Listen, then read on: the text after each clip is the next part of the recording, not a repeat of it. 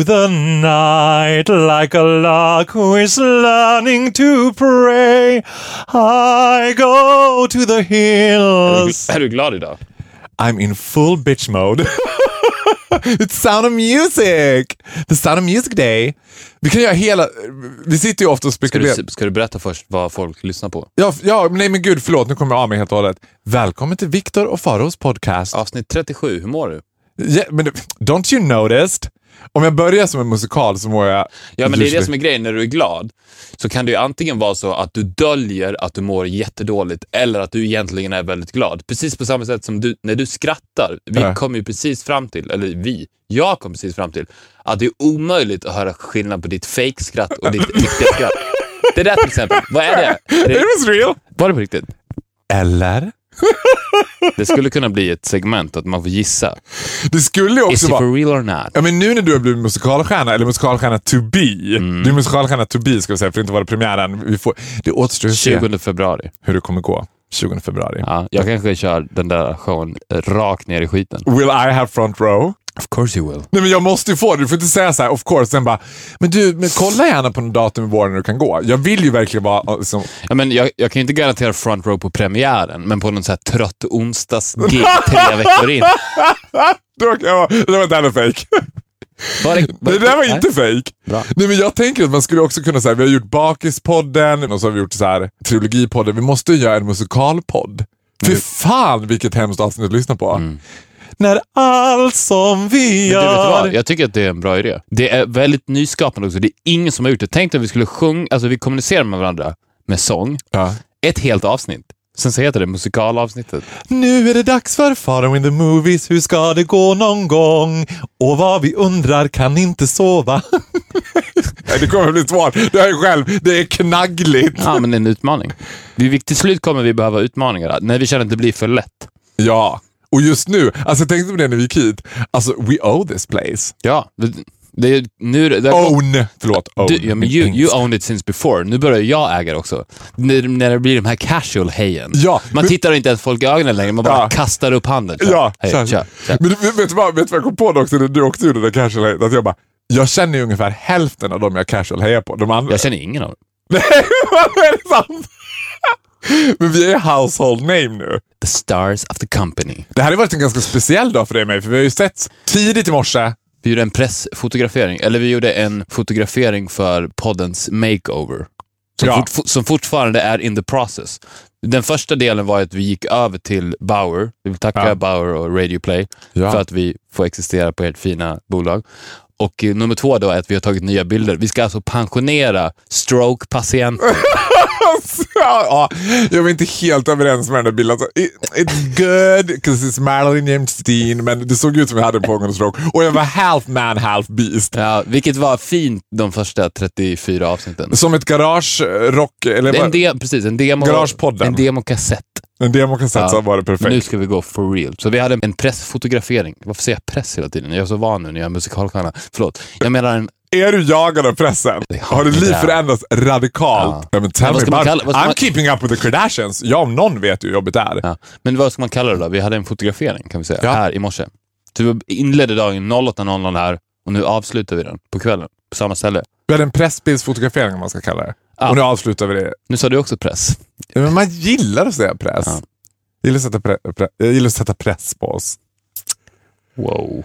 Ja, men let's dig into it. För vet du, vad jag, vet du vad jag har tänkt på? Nej. När vi gjorde den där, vi diskuterade olika så här, möjliga bilder vi skulle göra och så Liksom, både du och jag är ju extremt effektiva. Mm. Det är en av de sakerna som jag uppskattar mest med dig. Det är så här, bam, bam, bam, bam. Det är alltid kvalitativt. Liksom, för, att det går, för att det är så här, man vrider ur det mesta möjliga av den komprimerade tiden. Istället Mm. för att så här, men vissa, så kan man ju, vissa värdesätter ju det här såsandet när man ska bara ta lång tid på sig. Men så diskuterade vi olika upplägg för den här pressbilden. Och ett upplägg var att du bara, men du ska ju vara så här full drag typ, med fjäderbo och jag bara, really? Really? Och så tänkte jag på så här, Nej, men jag, jag föreslog då att du skulle vara jättebögig på bilden och jag skulle vara jättestraight och att det på något sätt skulle spegla innehållet i podden. Men det fick jag dålig respons på. Min andra idé var tvärtom. Ja, den fick du sätt- bättre respons på. För att på något sätt mocka podden. Ja, vadå? Ja, men vadå? Jag tänker att det är väl essensen av podden. Det blir det handlar om att du blir mer Ja, men- gay. Det handlar ju inte om att jag är full bitch Nej, mode och du hela blir tiden. straight. Och så jag att, blir straight. Ja, så att vid avsnitt 137 så kommer det vara helt tvärtom. Då sitter jag här och fake-skrattar i falsett. Ja ja, men då i alla fall så kommer jag att tänka på ett tillfälle som jag var med om igår. Igår var jag tränade, gymmade med min kompis Jens, som är en väldigt straight liksom, läkare. Du vet, vi gymmar ihop. Vid ett tillfälle när vi satt i bastun så var det plötsligt, och det var ganska mycket folk i bastun, men vid ett tillfälle så var the bastun overtaken by the gays. Det var som att straighta var i minoritet, för I had my fellow gays with Är me. inte, är inte bastuar överlag alltid overtaken by the gays? In your nightmares, men det är inte så. Nej. Jag, jag, jag går ju aldrig in i bastus, så jag vet inte. Unfortunately you don't. I've been fighting for two years but you don't. Two years? Men du, Add a zero to that. ja, men okej. Ja, men 20 years to get you into the gym. 20, två år att få din... Alltså jag fick ju in det på gymmet. Ja, du menar så. Ja. Men då var ju du den där en absolut epivany av missunnsamhet. När man alltid duschar hemma. Och också ska försöka claima att det är så mycket bättre att duscha hemma. Which I disagree on. Där satt vi i alla fall. Och det här var bögar som jag kände. Det beror på om du bor nära gymmet. Om du bor nära gymmet så är det klart fan så mycket bättre att duscha hemma istället för med 35 ganska äckliga främlingar överlag. Well, that's how you refer to them as. I don't. ja, men I alla fall så satt vi där och det här var bögar som jag kände. Eh, Full stop. Full, Allihopa. Alla, allihopa. I know every gay in Stockholm. Men jag är, så, är man Gandalf the gay, då känner man alla bögar. Det där är också en myt som alla bögar ska försöka så här. Alla straighta säger så här, "Ja, är du bög? Men gud, känner du Micke? Bara, nej. Men han är också bög. Och så ska alla bögar bara, alla bögar känner inte varann. Sluta med det där. Which is a lie, because we do. Vi träffas en gång om året på Pride, which is the yearly gay convention, när vi så går igenom bara, ah, men vad är upplägget för nästa år? Vad ska vi köra på den här gången? Du vet. Så i Stockholm i alla fall så är det så att more or less alla bögar känner alla. Så jag kände de här tre andra bögarna. Så vi var fyra bögar, tre straighta. Vad jag reagerade då på då var att my fellow gays became super straight. Och jag var så... Nej, men det måste väl vara det mest effektiva sättet att få de här straighta killarna att känna sig bekväma. And then into phase two, lock the door. Lower the blinds. Ja, men eller hur? Ja, För att om, om, man, om, om man skulle sätta sig i en bastu som bög, bredvid några straighta, med plans, som du alltid har, och inleda med att flagga med regnbågen, Ja. så skulle ju de såklart direkt bara, oh, jag har ett möte, jag måste gå. Men om, du istället, men om du istället bara casually särar på benen och börjar prata om ishockey, ja. så kanske de också gör det. Jo, i och för sig, men nu tror jag så här, att jag tror att de där bögarna och i, i den där settingen som var, they didn't have plans. Ah, okay. I didn't either. Du vet. Faktiskt, jag vet att du kanske inte tror mig, men I didn't have plans right then. Och då var det som att jag så här reagerade på, jag blev så himla disappointed. Jag var nej! My, we should be proud of ourselves. Du vet. Att de skulle så här, du vet, uh, är det okej om jag slänger på lite vatten? Du vet? Och jag bara really? Is that the voice we're using now? Du vet. så jag blev super gay. Alltså jag kände som att det var my duty. Liksom. Ja. Nej, men I went full sound of music. Det var som att jag satt inne och bara "Mm, The hills are alive. Du vet, vilket också resulterade att de tre straighta gick naturligtvis ut. Du vet, också så här, det var också kul för att när den första gick så försökte de, och de, de kände inte varandra, så de andra två försökte så här, hur ska vi kunna gå ut utan att det blir awkward? Liksom. Och jag kände det där varenda gång, the gays, alltså, vi måste conquer. Alltså de där områdena som är heteronormativa. Alltså vi är arga, inte snälla, vi är homosexuella. vad har du vaknat upp på för sida idag? Nej, men då Van, känner- vanligtvis hatar ju du bögar. Nu ska du gå längst fram i Pride-tåget. Ja, nej men vadå? Va? Vadå hata bögar? I hate women and Chinese people. nej okej, jag hatar väl vissa bögar också i, som homogen grupp. Nej men det gör jag inte Feisty. alls. Ja, I'm feisty. like it. Ja, men jag gillar också, jag, min strategi, där är du själv claimat, min strategi när jag kommer in i ett väldigt heteronormativt sammanhang är ju att gå in som Maria von Trapp i Sound of Music istället för att så här, tja, ja, såg ni matchen igår då grabbar? För min oro var så jag bara, och jag frågade Jens, liksom, när, när jag och Jens till slut var själva där inne, var jag, men gud reagerade du på att de där bögarna, så, här, de där, så där låter de inte. Det där var ju så här, bögar spelar straighta. Och han bara, jaha, ja, nej, jag fattar typ inte att de var bögar. Jag bara, nej men du ser. Och jag bara, men gör jag det? Han bara, nej. nej men gör jag? Han bara, nej men gör jag aldrig? Nej. You're full stop gay all the time. Jag bara, oh, I was so happy. Då blev jag så glad. Du måste, vi måste också prata om, vi pratade om något sånt intressant i morse. Du har ju utvecklat en, ska man kalla det hälsostrategi eller en ny, eh, a new kind of lifestyle? Ja, Berätta. Jag känner mig skarp. För att du lever konstant jetlagd. Nej, men jag, tack vare min jetlag. Det som är lyxen med jetlag är ju att när du kommer hem igen så får du ju ett tillfälle att skapa ett nytt dygn. Antingen medvetet... Känner du som att du har dygn till godo också? Om, säg att du är fast i en dygnsrytm när du flyger ifrån Sverige. Sen när du kommer tillbaks, då kan du ställa om det igen lite hur du vill. Det tar ju bara två dagar. Och nu har då min, mitt dygn blivit så att jag går upp fem på morgonen, precis som Stefan Löfven. Och du vet, det finns ju en teori... Någonting djupt in i mig säger att du inte har inspirerats av Stefan Löfven i första hand. Jag kommer ihåg att han berättade i en intervju att han går upp klockan fem varje morgon. Då, då tänkte jag att ja, men det, det är nog smart. För att, för att de hade sagt klockan sex hade det aldrig fastnat i mitt huvud. Men fem, då är det så här, jaha, fem. Och det finns ju en teori om att kreativa människor, eh, konstnärliga människor, människor med en viss typ av briljans är uppe sent på nätterna. Ja. Och det är då de skapar som bäst. Och det är ju så att ännu senare på natten blir ju väldigt tidigt på morgonen. Så att jag tror att det är så att genierna, de går upp fem på morgonen. De som är bara naturligt kreativa och konstnärliga, de är upp sent på nätterna. Men genierna går upp tidigt på morgonen. Och jag tror att det har att göra med att, alltså när, du, när går du upp på morgonen? Åh gud, jätteolika. Ja, men säg, att du, säg att du går upp åtta. Ja. Ja, halv tio skulle jag säga. Halv tio, ja. Då har jag alltså varit uppe sen klockan fem. Då har ju jag fyra och en halv timme upp på dig. Ja, men nu förutsätter du att du går och lägger oss samtidigt också. Men det spelar ingen roll, för att på kvällen så gör man ingenting. Om man vill följa den här livsstilen så måste man ju gå och lägga sig i tid också, annars blir dagen förstörd på grund av att du är för trött. Men om du går och lägger dig tio och går upp fem, då, då sover du i sju timmar. Det är absolut tillräckligt för att klara hela dagen full av energi. Och nu är ju klockan 20 över sex och jag har fortfarande lika mycket energi som dig som gick upp halv tio. Enda skillnaden är att du kommer sitta uppe mellan tio och ett när jag sover och då kommer inte du göra någonting av värde. Du kommer kanske grinda, instagramma.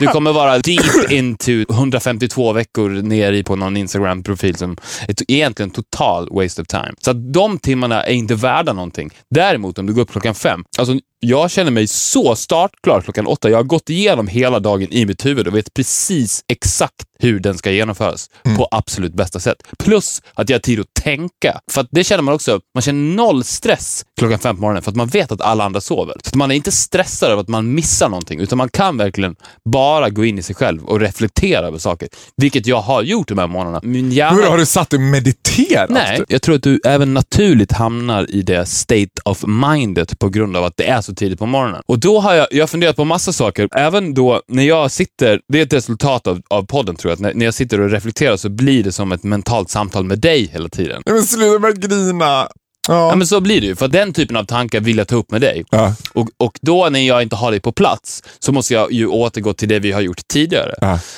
Och jag kommer ihåg allting vi har pratat om. Så att flera saker som vi har pratat om tidigare har då, jag då återgått till och nu med min nya skarphet vill lägga till lite saker. Så? Jag såg på planet hem från Los Angeles så såg jag Amy-dokumentären. Alltså dokumentären Åh. om Amy Winehouse. Jag hade inte sett Did you like it? i liked it, didn't love it, but I liked it. Och, och Det här har egentligen inte med Amy Winehouse att göra, men jag tänkte på en sak. Att när man såg hela den här dokumentären, kommer du ihåg den väl? Eller? Every single second of it. Vilken sekvens i den, i den dokumentären var hon som lyckligast? Och Det här säger mer om mänskligheten än om Amy Winehouse. Men när var hon som lyckligast? För hon, var ju, hon blev ju otroligt framgångsrik. Ja. Under några år var hon ju världens största popstjärna. Hon sålde 15 miljoner skivor. Hon hade människor över hela världen som älskade henne, dyrkade henne. Mm. Men när var hon som lyckligast? När hon vann en Grammy. Okej. Då, då såg man att hennes genuina lycka lyste rakt igenom. Och det är så sjukt, för att när du tänker på vad det egentligen är som sker här. Hon är alltså då, och då har ju hon redan vunnit när hon vinner Grammyn. Hon är världens största popstjärna. Hon, har ju, hon började ju med musik väldigt tidigt. Hon har människor över hela världen som avgudar henne. Ja. Och Grammy är ju en liten jury på fyra personer som säger att du är bra, Mm. Amy. Vi tycker att du är bra. Mm. Och den, att den osäkerheten existerar i människor Ja. är egentligen så sorgligt. Så det borde inte betyda någonting för henne att just de här fyra elitistiska, ganska skitnödiga personerna säger att vi accepterar dig i vår grupp. Du är okej, du får komma in. Vilket är sorgligt. Och sen tänkte jag på att det är lite så på samma sätt. För jag läste en, jag läste en tweet av Ricky Gervais, den engelska komikern. Han sa så här. Remember kids, it's better to create something that others criticize than to create nothing and criticize others. På samma sätt lite använder jag sociala medier. Jag instagrammar inte så mycket, utan jag tittar ju på andras Instagram och kommenterar dem, men gör Ja. ingenting själv. Och det är ju lite på samma sätt som en Grammy-jury. Att man sitter och dömer någon men gör ingenting själv. Och sen så säger jag ah, men den där var bra, den kan jag lajka. Ja. Mm. Och sen så likar jag din bild. Men det är ju ett vidrigt beteende egentligen. Du ser dig själv som Instagrams eh, Grammy-jury. Ja, precis. precis. Ja. Så därför så skulle jag vilja försöka... Like-bomba mig. I wouldn't mind. Nej, men försöka börja använda eh, Instagram och sociala medier på det sättet som man ska använda dem. Och Det har jag också pratat om tidigare i podden, att jag tycker att man borde uteslutas från Instagram om man använder det på det sättet jag gör. Att man inte deltar, att man inte lägger upp någonting. Man kommer inte med någonting till bordet, utan man sitter bara där längst bak i rummet med, med benen i kors och drar lite i skägget och säger Ja, Faro, den där bilden tyckte jag inte var så bra. Men, men däremot, den där tycker jag är bra. Men gör någonting själv då, säger jag då till mig själv. På samma sätt som att man och det är ju, du är ju en, sån, en Amy, Mm. en like-sökare som söker efter den här bekräftelsen från mig som är juryn. Ja. Som, och det betyder mycket för dig när jag likar en bild. Men det borde inte betyda någonting. För det, för Men jag jag- blir för- så glad också liknelsen att jag skulle vara Instagrams Amy Winehouse. Ja, men du, ja, du är ju en framgångsrik eh, social... Medieprofil. Ett, ett social, precis, eller medieprofil, men du är framgångsrik på sociala medier. Ja. Du använder det på rätt sätt. Men jag lovar dig att på samma sätt, när du får 400 likes på en bild Mm. och sen så kommer den här liken från den här Grammy-jury Instagram Ja. så blir du så mycket gladare. Och Ja. det är så sorgligt för det, den ska inte betyda någonting för att det är vidriga människor och jag är en del av dem. Men det jag också har tänkt på med det, alltså för jag tänker också den, den liksom sensomoralen som du presenterar nu har vi också matat ut i det här. Jag menar vi ska döda Svenska Akademin i, under ledning av Gustav Norén. Ja. Vi har liksom pratat verkligen om hur hemskt den Ja, här men det, och, elitismen det är. är, men, och den existerar i alla led och, och det slog mig igen jag såg Amy Winehouse-dokumentären. Mm. Att alltså, hon, hon kunde inte... Alltså, det var som att det var först då hon hade vunnit. När hon Ja. blev accepterad av den här... En jury? Vadå en jury? Det är elitism och det är hemskt och det är vidrigt. Och sluta upp med det där. Det betyder ingenting. Alla awards, lägg ner alla awards. Ja men det håller jag med om till Power to 100%. the people. Och lägg ner radiogalan. Ja. Nej men det håller jag med om Nej, men till på 100%. samma sätt, du, jag, Men, men jag vill bara plocka upp en sak du sa där. Alltså, jag håller verkligen med dig, för det där absurda är när man är uppe i, jag har 26 000 följare, då är man uppe i så mycket så att... Soon. Soon, 26 000 följare. Gud vad bra att du har sån koll på min Instagram. Jag har 25 900 följare. Nej, men Snart, du ser, jag är vidrig. ja, du är vidrig.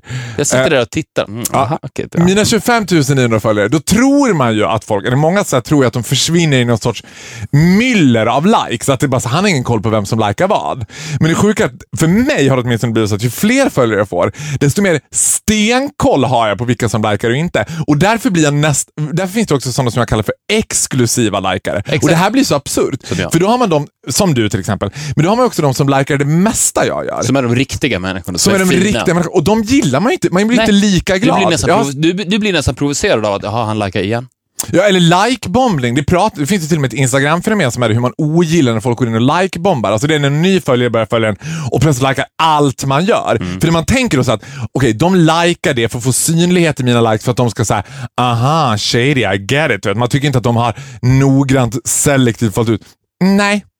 Nej, sen tror jag att 9 av 10, oavsett om du ingår i den här eh, Instagram-juryn eller inte, så likar du bilder när du kommer across them. Jag tror, vill inte tro att du sitter med en kopp nybryggt kaffe klockan fem på morgonen och går igenom i Instagram och bara nej, nej Faro.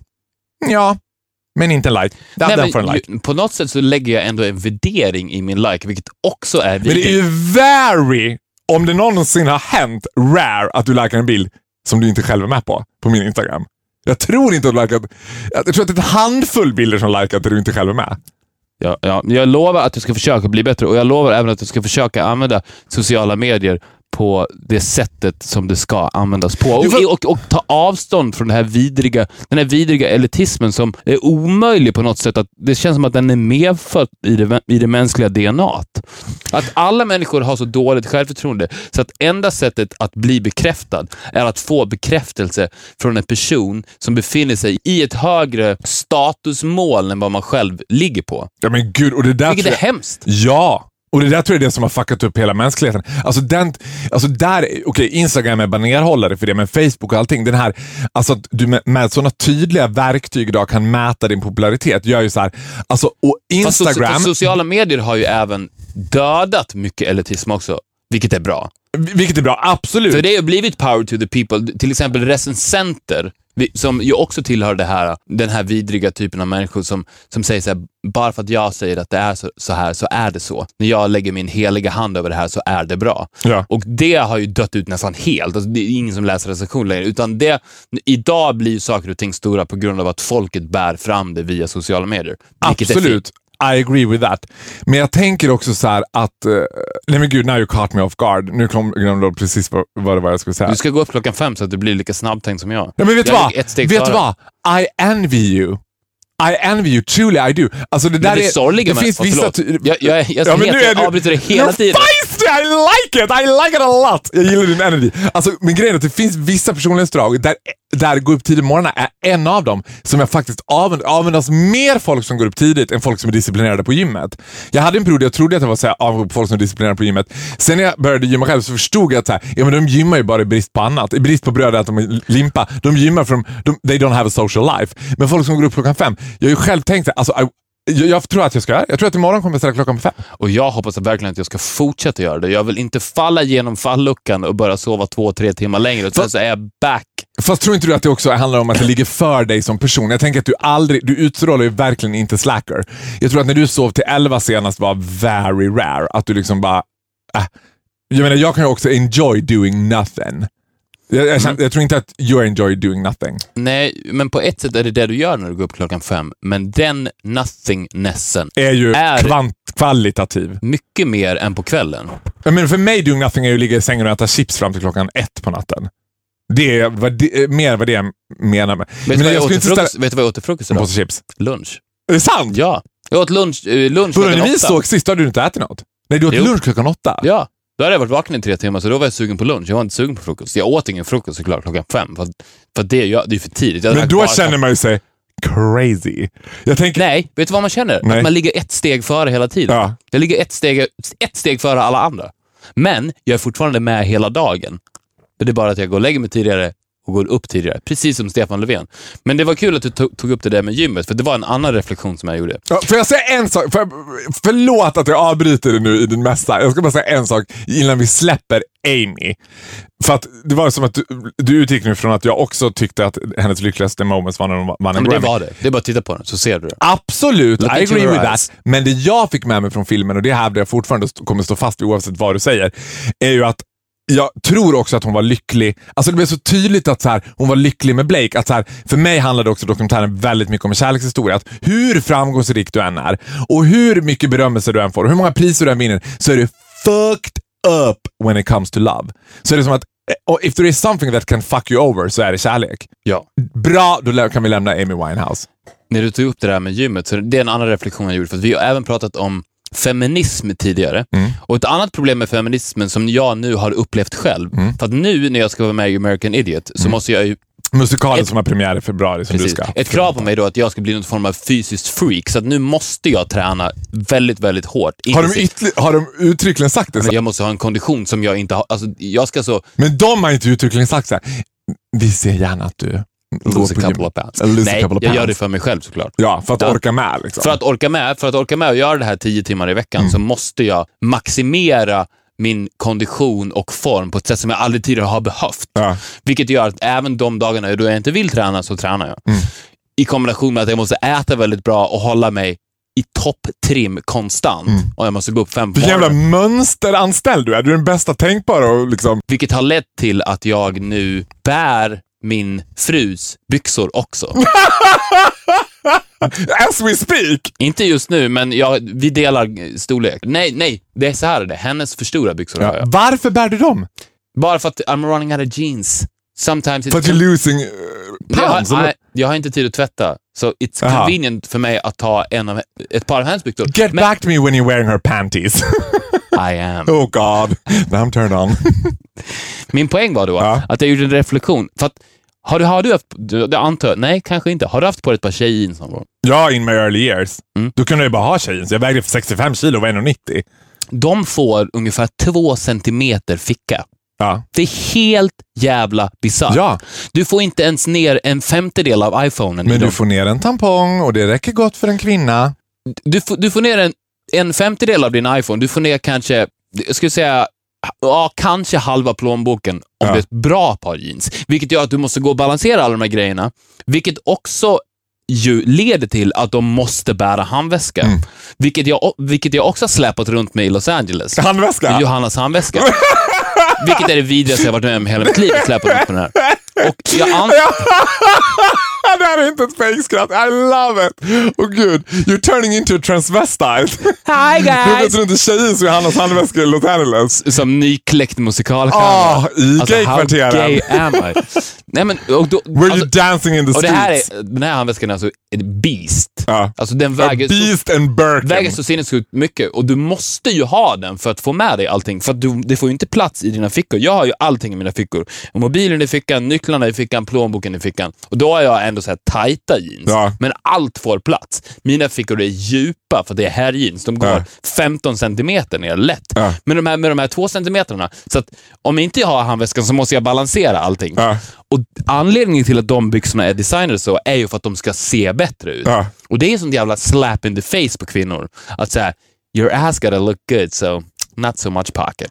Och det är ju en, en kamp som de absolut inte har tagit upp. Jag pratade ju om att feminismens kamp är skev. Det är viktigt för dem att de vill vara som män, när det Ja. borde vara tvärtom. Det finns två kön. Ett kön som beter sig som as och ett, ett kön som beter sig som människor bör bete sig.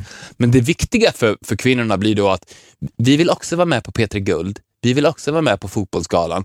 Så totalt idiotiska manliga fenomen som inte betyder någonting. Men när det, då de kvoterar in tjejer på det här så känner feminismen att de har vunnit. Men egentligen betyder det inte någonting. Där de egentligen, kampen borde vara att vi ska för fan också ha fickor. Vi ska, jag, behöv, jag vill inte släpa runt på tre kilos beast made out of skin.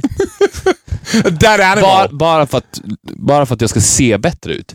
Jag det- älskar dig nu. Det är som att du har gått till totalt så här. Nu, you- you're feisty. Love it.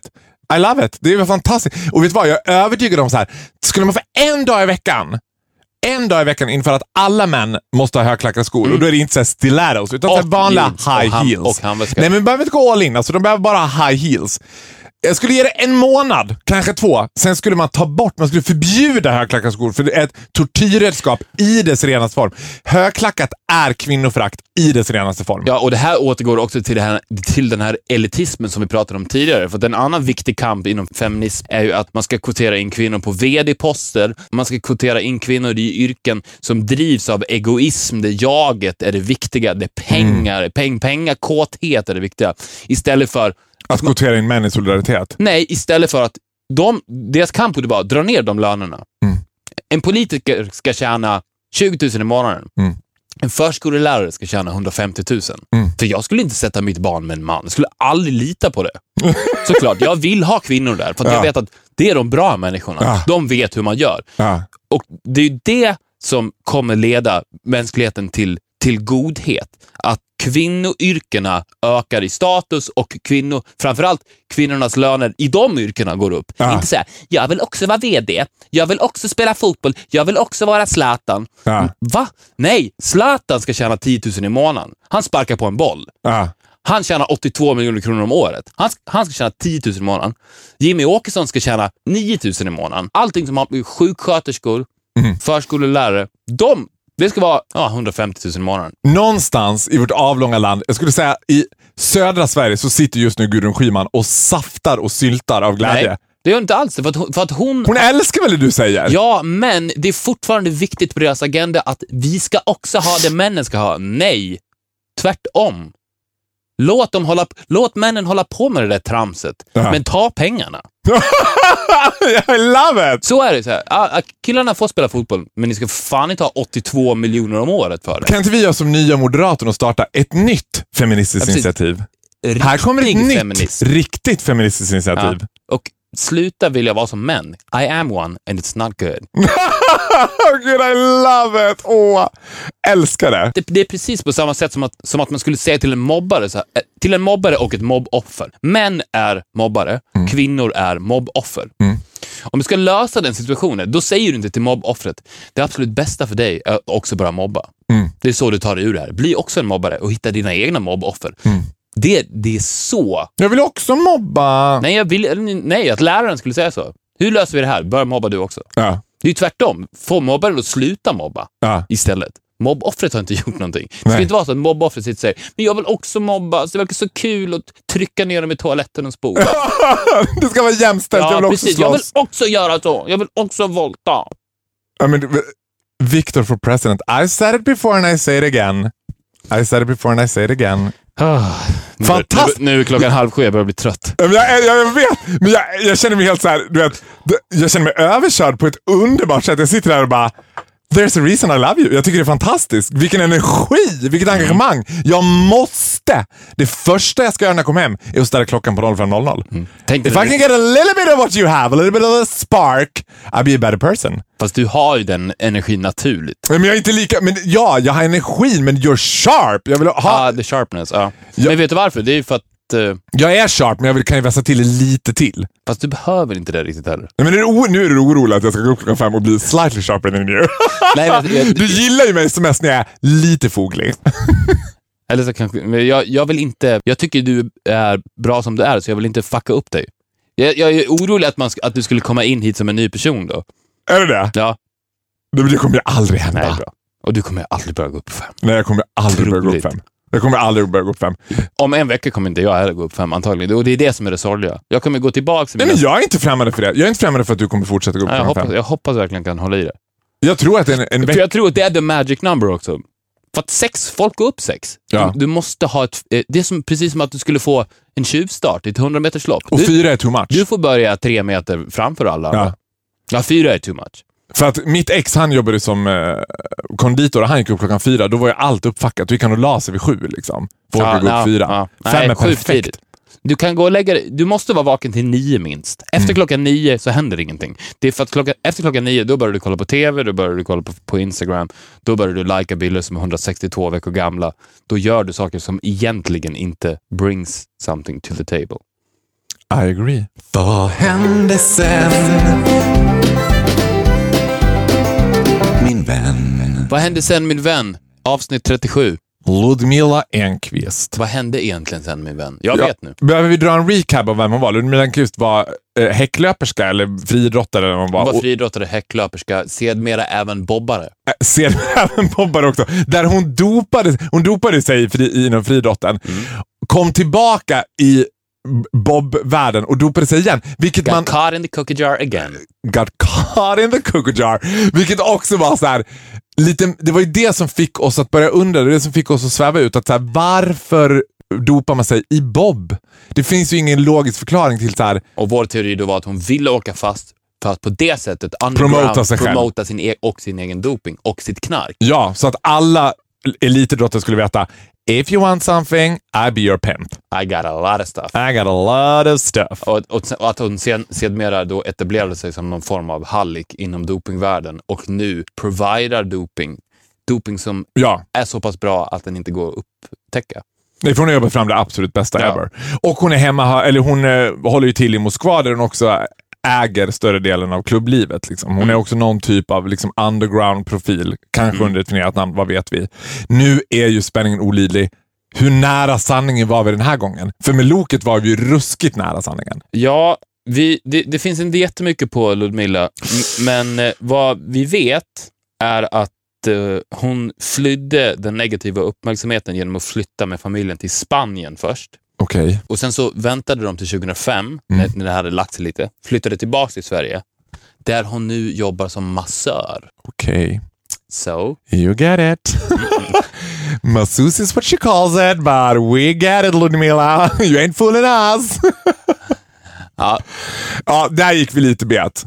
det gick vi bet. Ja. Men dagens profil Vi Vad hände sen min vän Ja. är, Ska jag pegga upp honom eller bara säga vem det är? Just shout it out loud. Björne! Alltså, Jörgen Lantz. Vi pratar om Björnes magasin. Vi pratar om den som byggde hela vår generations barndom. Han var ju den största ikonen för barn under vår generation skulle jag säga. När jag och Faro växte upp så fanns ju bara två tv-kanaler. Ja. Och det Och man hade, man hade, om man hade vad man kallade för skogs-tv som de flesta hade. Det var alltså ettan och tvåan. ettan och tvåan. Och Sen fick man ibland fyran, inte hos familjen fast, Norén den, dock. fast den kom senare, när vi var små. Ja, just det, vi var små, då var TV4. ettan, tvåan. Då fanns inte TV4. Och då, kvart över sex varje vardag, så var det barnprogram Bolibompa och den största profilen i Bolibompa var Björne. Och han var alltså en björn with sort of an attitude. He was a bit of a bitch. Bit of a bitch. Det kan vi säga. Vi kan fastslå att Björne was a bit of a bitch. Det var även där Robert Gustafsson breakade. Flera stora. Eh, Vanna Rosenberg, Snigel. Snigel. Han hade ju två återkommande sidekicks som var Snigel och Hugo. En trähund och en mjukis-snigel. Ja, och man kan väl säga att han var ju lika stor som Leif Loket Olsson senare blev. Ja, Fast han, han applicerade sig såklart mot en yngre målgrupp. Men grejen var ju den att eftersom föräldrarna inte kunde titta på något annat så såg ju de också Björne. Ja. Och han var ju lite witty och rolig så de tyckte ändå att Björne var kul. för att han var en greedy bitch. Det var ju det han var. Var ju liksom så här. Och de, de producerade ju smart på SVT för de visste ju att föräldrarna kommer också kolla. Så att det är bäst att vi slänger in lite smarta skämt som går hem hos dem också. Ja, men vet du vad? Plus att jag tror, det här är en, nu är det en teori som går kanske lite utanför eh, vad hände sen med vän, men jag måste bara säga det. Jag tror att med barnprogram, oavsett om det var Disney eller om det var Björn eller vad det var, så finns det någonting i barn. Alltså det här när man gör så här genomsnälla karaktärer. Kids doesn't like it. No. Varför gillar barn Bamse? He was a bit of a bitch too. Björne, Evil bitch. he was an evil bitch. Björne, det fanns samma sak där. Han var greedy. Han var så här, Vet- vet alltid, plotten var att det slutade alltid med att det var en pepparkaka kvar. Han hade Mm. ju alltid en pepparkaka kvar efter att han själv hade suttit och bokstavligen moffat i sig peppar, Och vet du varför, björ, äh, björ, vet du varför barn älskar det? Nej. För att de är precis så. Ja, De ser sig själva. Jag skulle också ta den pepparkakan, tänker de. ja. I like him. I like him. He's a smart, he's a smart bear. Men han fick se... Plotten var att det var alltid en pepparkaka kvar. Gästen frågade åh, för han hade suttit själv och moffat i sig pepparkakor i hela avsnittet och ingen och fick smaka. Han var kind of overweight. He was kind of overweight. Och gästen frågade, ah, men, får jag den sista pepparkakan? Nej, nej den är till Hugo. Den där trähunden. Och det slutade alltid med att gästen gick, vad gjorde björnen när gästen hade gått? Tröck i sig den sista pepparkakan. Och sen rakt in på toan och spydde. It was also bulimic. I was also believing. Like Amy. Björne spelades ju av större delen, ska jag säga. För det här är också en... Eh, som Nu, nu får vi skynda oss på lite. Han spelas av Jörgen Lantz. Det är han vi ska prata om, inte Björne. Ja. Och, och det är sant. Han fick sparken från rollen, vilket också är märkligt. Mm. Det är som att sparka Loket från Bingolotto. Och sen så ersattes han av en annan och sen så själv dog Björne. Han, han dog ju med Jörgen. Och vet du vad? Björne själv dog bokstavligen. För vi vet att just in this very moment så ligger ju Björne, när man kommer till Sveriges Television, för jag har varit där några gånger, i entrén så ligger Björne, alltså kostymen, Alltså, där ligger Jörgen Lantz utanför. Ja. Nej men, nej, nej men hans kostym, Ja. lig, Björnes kostym ligger där, typ lite slängd på en saccosäck. Mm. Det är inte som att de har ställt ut Björne som en klenod, utan den ligger som förnimmelser av en svunnen tid. Så vad Så hände? vad hände med Jörgen Lantz? Och varför fick han sparken till en början? Jag tror ju att de två sakerna är besläktade med varandra. Det hände någonting som gjorde att han fick sparken, som också gjorde att han aldrig mer i hela sitt liv kunde få en anställning i offentligheten. Speciellt inte på SVT. Absolut inte. Har du fått kalla handen på SVT, då är du rökt i media Okej, då, då måste vi dissekera det här. Vad är det värsta du kan göra om du jobbar på SVT? Ja, alltså, man, alltså man vill ju säga typ så att han har förgripit sig på barn. Det tror Nej, jag nej, inte nej. att han har gjort. Men det är väl det värsta du skulle kunna göra på SVT? Nej. Ja, men det är det värsta du kan göra i livet. In general. Det värsta du Ja. kan göra. Han har kritiserat någon annan SVT-profil. Jag, jag ser ett scenario framför mig. Nu, får jag, nu är det som att jag tittar i min spåkula och får fram så här.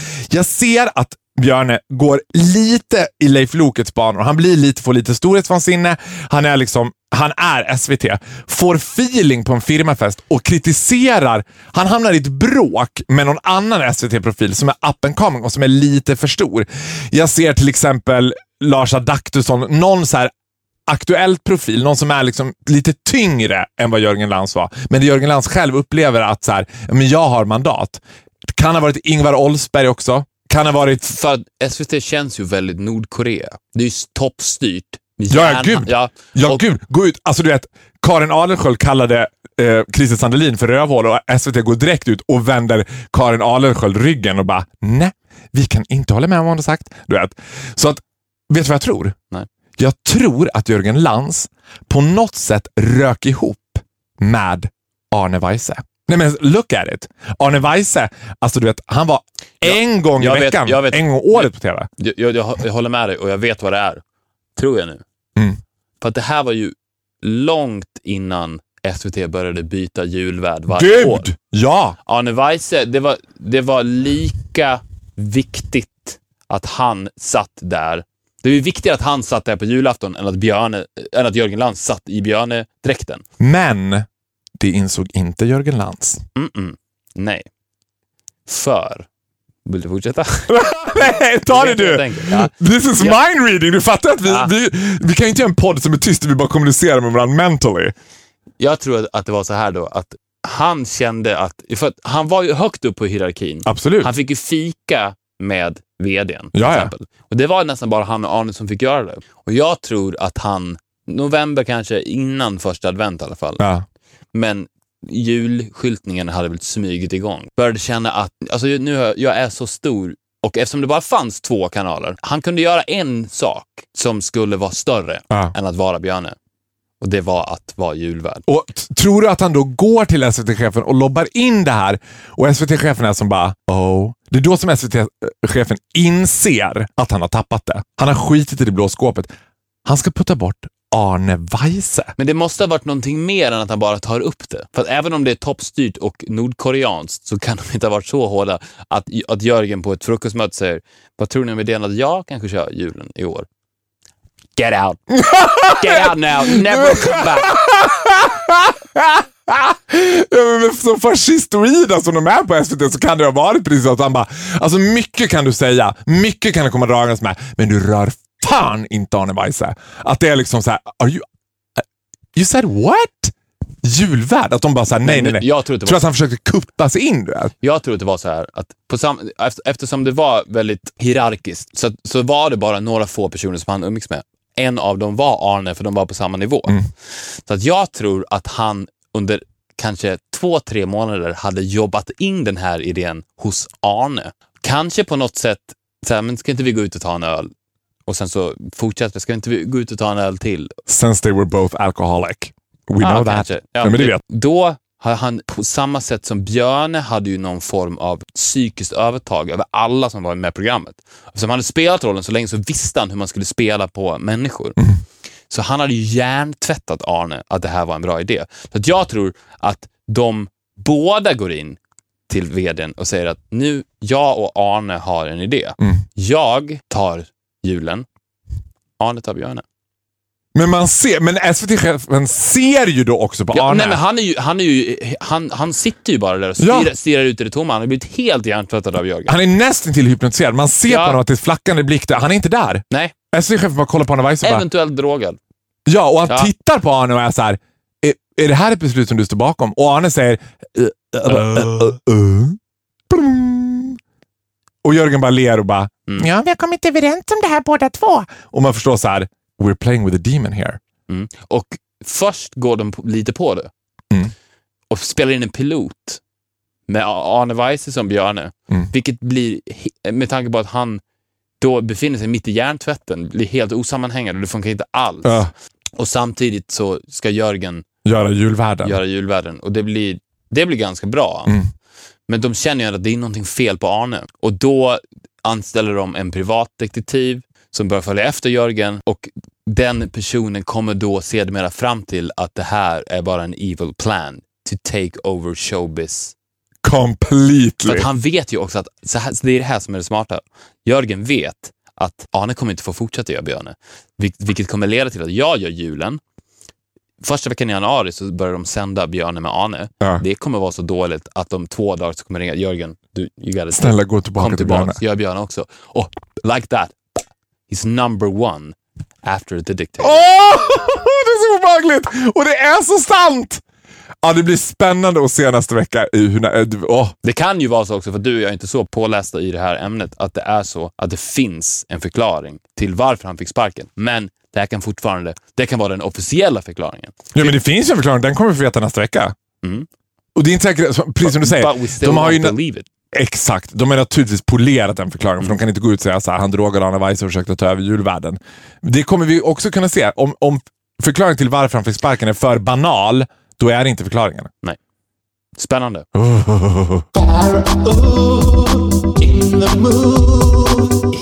Pharaoh in the Movies, avsnitt 37. Mm. Det, Mhm. As straight as it gets. Nu har jag ju verkligen fått ta mig an den största utmaningen att liksom böga upp det här. Ja, det, det är helt sant det du säger. Det är kanske den mest straighta tv-serien ju från början Ja. någonsin. Entourage. Som på något sätt, seriens idé är att den hela tiden ska killa en killes imagination Oh. om hur livet bör levas. Och den, eh, du kommer spela, för den, den absolut mest älskade och också bästa, ska jag säga, karaktären i Entourage är agenten Ari Gold som spelas av Jeremy Piven. Okej. Och han, han är ju urtypen av en alfahane. Ja. Man kan inte bli mer male än vad han är. Men han är fortfarande likeable. Det verkar på dig som att Ja, han, han är likeable, han är snabb, han säger roliga Han är en one-liner-kung egentligen. Ja. Jag är ju kille, så jag gillar det. Men ett svin. Man kan se på Han är ett svin, han har en dålig relation till sin fru, han har en dålig Oh. relation till sin homosexuella sekreterare. Han har en dålig relation till i stort sett alla. Han är väl urtypen, han är baserad på en riktig agent. Han är väl urtypen hur man ska vara to make it in Hollywood. En asshole. I don't like him, but okay. Men när vi twistar till Entourage, det här är alltså Entourage the Movie, så att det funkar på Pharaoh in the Movies, Mm. så är Ari Gold gift, men med en man. Mm. Vilket hade ju ställt hela serien på sin spets. Ja. Hade den överhuvudtaget funkat? Antagligen inte. Det blir väldigt intre- ett intressant grepp på hela fenomenet och kulturen kring entourage. Ja, men det är precis det här vi gör. Ja. We stare the pod. Vad händer egentligen? Så det här, nu ska vi lyssna då på ett terapisamtal mellan Ari Gold, hans man, which he refers to as his wife, Yes. och deras terapeut. Och de har problem. Med hans angry management. Han har anger issues och Angry även cheating.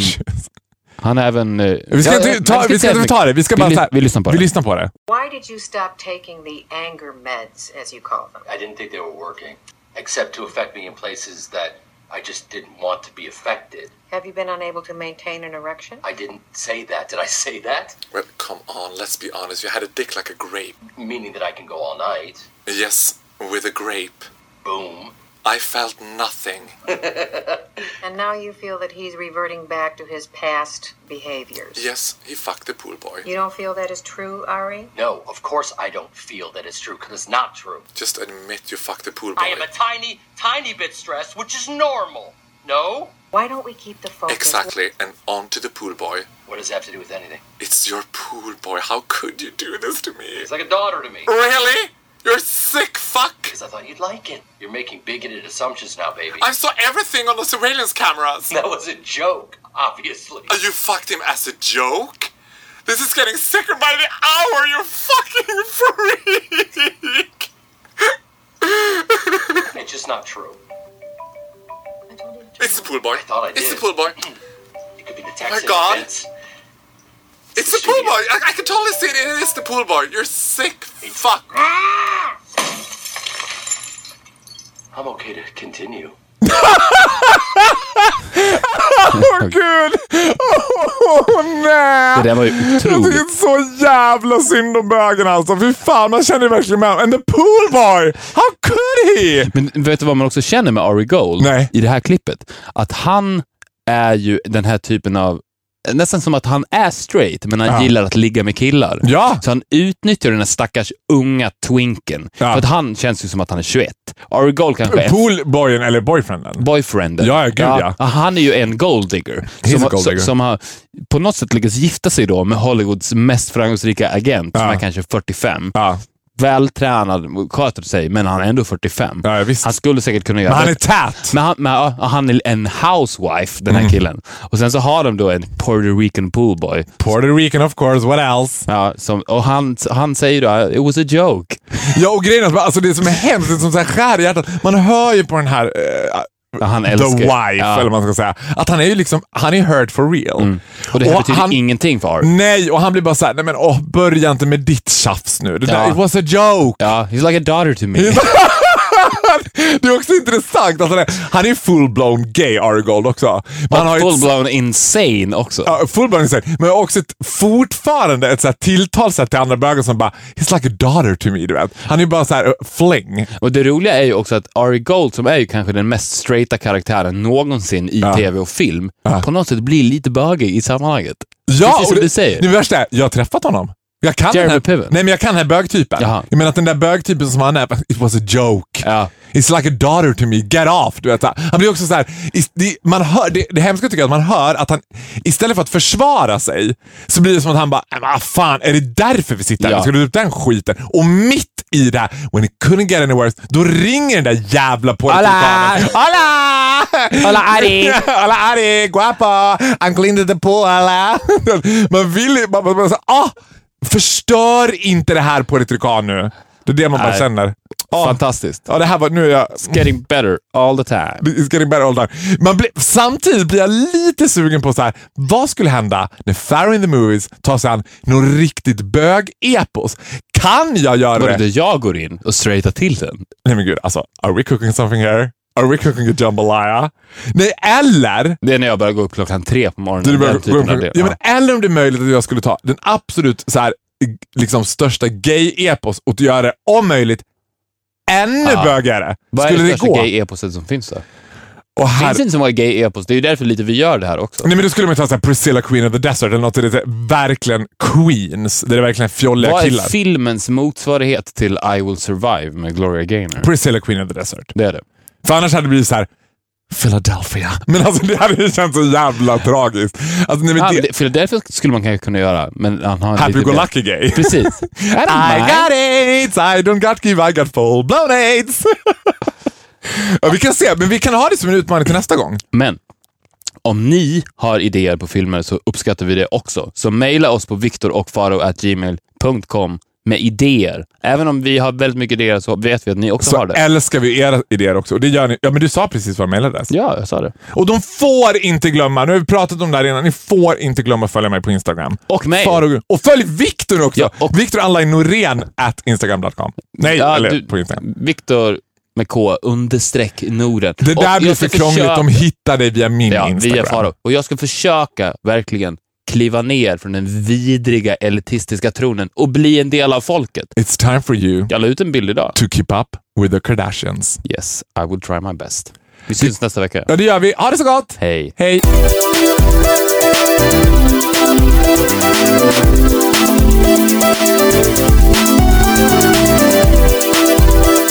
Thank